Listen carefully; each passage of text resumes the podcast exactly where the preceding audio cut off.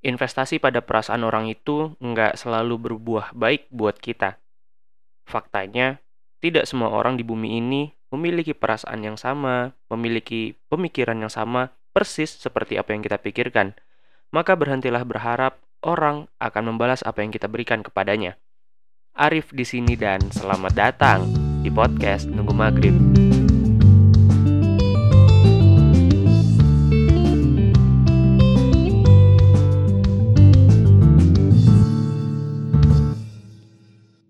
Halo, selamat sore. Uh, ketemu lagi bareng gue Arif.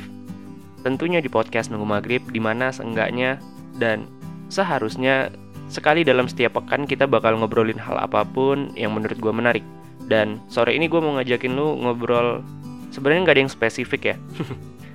Karena juga udah lama banget. Wah, ku merindukan suasana ini, ku merindukan mikrofon ini. ya udah lama banget gue nggak ngobrol-ngobrol sama lu. Menikmati waktu sore sambil nungguin waktu maghrib. Uh, karena nggak sempet aja sih. Nggak tahu nggak sempetnya karena emang produktif atau ah lagi malas aja. Ya sekali lagi senang kembali menyapa lu di sore yang indah ini di bulan Februari di mana tahun 2022 kita baru mulai, banyak rumor yang beredar, banyak juga yang bilang kalau 2022 itu adalah 2020 versi keduanya. Tapi enggak ya. Seharusnya enggak. Karena tugas kita sebagai manusia kan terus nge-upgrade, terus berkembang, bertumbuh. Selain itu kita juga makin ke sini ya semakin tua, semakin dewasa seharusnya. Ah, selamat memasuki usia dewasa buat lu buat gua dan buat kita semua yang tanpa kita sadari kita udah masuk di usia-usia tidak lagi dikatakan sebagai remaja. Mungkin buat lu yang belum tahu, nih gua kasih tahu WHO. WHO tuh ngeklasifikasikan bahwa remaja itu adalah seseorang yang berusia antara 12 sampai 24 tahun. Sedangkan peraturan Menteri Kesehatan nomor 25 tahun 2014 uh, remaja adalah dia-dia yang usianya 10 sampai 18 tahun. Sedangkan BKKBN BKKBN bilang bahwa remaja adalah seseorang yang berusia antara 10 sampai 24 tahun dan belum menikah. Nah, garis besarnya di situ. Se dari semua yang gue sebutin tadi, mereka sepakat bahwa yang paling tua itu 24 tahun ya untuk remaja. Nah, buat gue, lu dan siapa pun yang tidak lagi atau sudah menginjak umur 24 tahun maka selamat. Sebentar lagi kita udah nggak cocok buat ngerayain yang namanya hari remaja.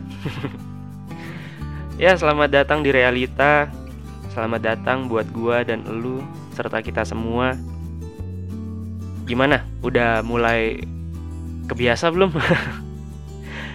udah pernah nggak tiba-tiba overthinking tengah malam uh, banyak hal apa ya kayak kita memikirkan masa depan kita memikirkan dua tahun lagi gue ngapain ya? Atau lima tahun lagi kira-kira gue udah nikah atau belum? Uh, atau ada juga di antara kita yang masih mikir di tengah malam aduh besok masukin lamaran ke mana lagi ya? Cari kerja ke mana lagi ya? Dan itulah realitanya teman-teman.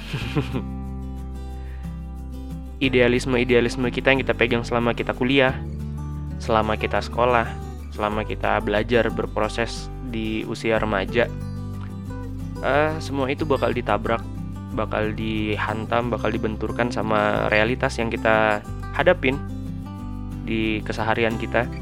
Sebagai orang yang dibilang sebagai orang dewasa ya karena lu jajan aja lu udah dipanggil om lu udah dipanggil pak masuk Indomaret padahal lu mau cuma mau jajan ciki aja. Tapi ditanya kan ada lagi pak kayak orang tuh nggak percaya lagi kita tuh anak-anak kita tuh remaja. Rasa-rasanya ya.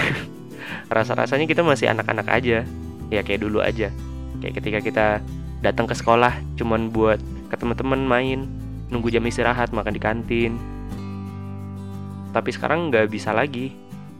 Karena sekarang lu udah datang ke kantor datang ke tempat kerja atau ya datang ke tempat-tempat aktivitas kita sehari-hari kita datang duduk tuh masih mikirin besok ngapain ya besok dapat uang dari mana ya? Atau uang ini bisa nggak ya disisihin buat nabung? Karena dilematisnya kita yang baru memasuki usia dewasa dilematisnya kita yang baru mulai kerja yang baru ngerasain suasananya tempat kerja cari uang sendiri kayak mau minta uang tuh berat sekali. Mungkin nggak semua orang ya karena banyak kenalan-kenalan gua juga yang sejak SMA pun dia udah berusaha mandiri untuk nggak minta uang untuk coba cari uang sendiri. Tapi ya rata-rata kita kan masih gitu ya masih minta uang. Bahkan kuliah pun kita juga masih eh masih menanti uang jajan setiap hari atau setiap minggu. Dan sekarang tuh nggak bisa lagi terlepas sudah punya kerjaan atau belum punya kerjaan kita tuh kayak punya beban sendiri gitu. Ya ampun gue nggak bisa lagi nih minta uang. Gue nggak bisa lagi. Padahal mah ya orang tua kita ya kayak biasa aja. Mau lagi ada uang dia mau ngasih dia kasih. Enggak ya ya kayak biasa aja. Tapi kan kita ya kita yang nerima kayak aduh diterima udah kayak nggak pantas nggak diterima tapi butuh ya ya gitulah. Kita udah kayak gitu sekarang. Mungkin kalau lu masih berusia belasan yang dengerin ini atau lu masih berusia awal 20-an 21 something eh bukan bukan 21 20 something itu bukunya Vina tuh. Ketika kita baru memasuki usia 20 ya lambat laun ya lambat laun kita bakal ngerasain hal-hal yang kita saksikan selama ini dari orang tua kita, dari kakak-kakak kita, abang-abang kita, dari senior-senior kita yang oke oh, gini ya ternyata nggak kepikiran selama ini. Kayak lu pernah nggak sih dulu mikir ketika masih sekolah ya? Gue suatu saat ketika punya uang ada bapak-bapak yang berdagang atau menjual sesuatu di pinggir jalan gue bakal beli gue bakal bantu dia.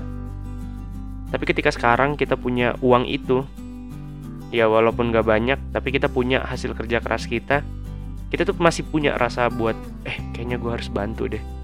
Tapi kita sekali lagi dibenturkan dengan kebutuhan kita sendiri. Bahkan mungkin kalau ada lu yang punya tanggungan lain mungkin lu udah mulai menanggung biaya rumah menanggung pendidikan adik lu menanggung hidup keluarga lu berserta orang tua lu apa pun kondisinya itu kayak kita dibenturin lagi sama itu kan. Ya tapi balik lagi ke pilihan. Lu mau tetap bantu dia atau lu mau saving nggak ada yang salah di antara semua pilihan yang lu ambil. Tapi gue cuma mau apa ya? Enggak sih, kayak cerita sore ini tuh ya bener-bener cuman buat ah ya udahlah. Kita udah dewasa, kita udah gede, apa pun yang kita pilih ya nggak ada yang bisa nyalahin even orang tua kita sendiri karena kehidupan kita ya tanggung jawab kita lu mau bangun siang, lu mau bangun awal, lu mau jogging, lu mau malas olahraga, ya resikonya kita sendiri yang nanggung. Tapi satu sih yang mau gue kasih tahu ya, ini buat gue sendiri sih. Dan syukur-syukur juga bisa lu terapin, bukan terapin sih. Syukur-syukur juga bisa bermanfaat buat lu yang dengerin ini ah kita tuh nggak selalu harus ya nggak selalu harus berpikir positif. Gue nggak tahu circle lu dulu tapi gue yakin karena dulu di beberapa circle gue yang gue temuin orang ngedoktrin kita untuk selalu berpikir positif. Apalagi yang namanya guru. Atau lu sering ikut seminar-seminar motivasi gitu.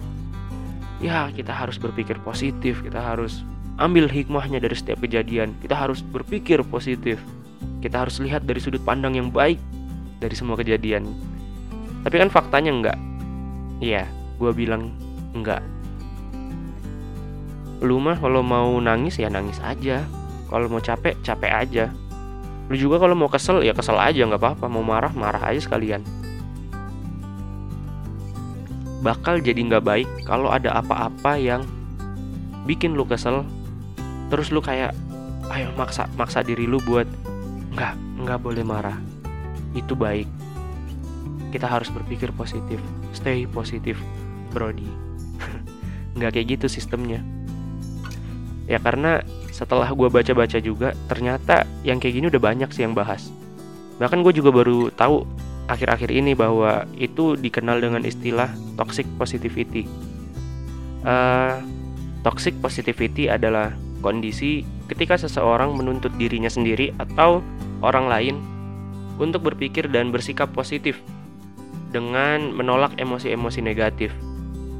Ya, padahal kita tahu seharusnya padahal harusnya kita tahu bahwa yang bikin kita berkembang, yang bikin diri kita ini bertumbuh bukan cuman energi positif.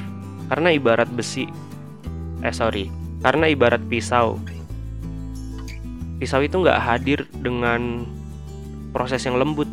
Dia butuh dibakar, dia butuh dipukul, dibakar lagi, dipukul lagi, sampai dia jadi, sampai dia bisa dipakai, sampai dia berguna akhirnya. Kan sesederhana itu nggak semua hal kita harus berpikir dengan baik kalau emang ada hal-hal yang menurut lu nggak baik ya anggap itu nggak baik lu nggak usah sok-sokan berpikir positif Brody semua ada hikmahnya. Nggak nggak gitu. Lu kalau mau kesel kesel aja. Lu kalau mau marah marah aja. Lu kalau mau nangis ya nangis aja nggak apa-apa. Tapi lu juga harus ingat sebagai orang yang katanya dewasa, apa-apa yang kita lakukan, apa-apa yang kita keluarkan sebagai wujud reaksi terhadap apa yang kita hadapi, ya jangan sampai merugikan orang lain. Ya sesederhana itu aja sih. Gimana?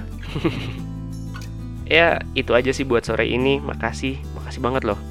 Makasih untuk lu yang masih mau dengerin ini, yang masih mau dengerin gua nemenin gue melewati senja ini menjumpai waktu maghrib wah gue nggak tahu cukup rindu dengan mikrofon ini gue Arif sekian dan selamat menikmati waktu maghrib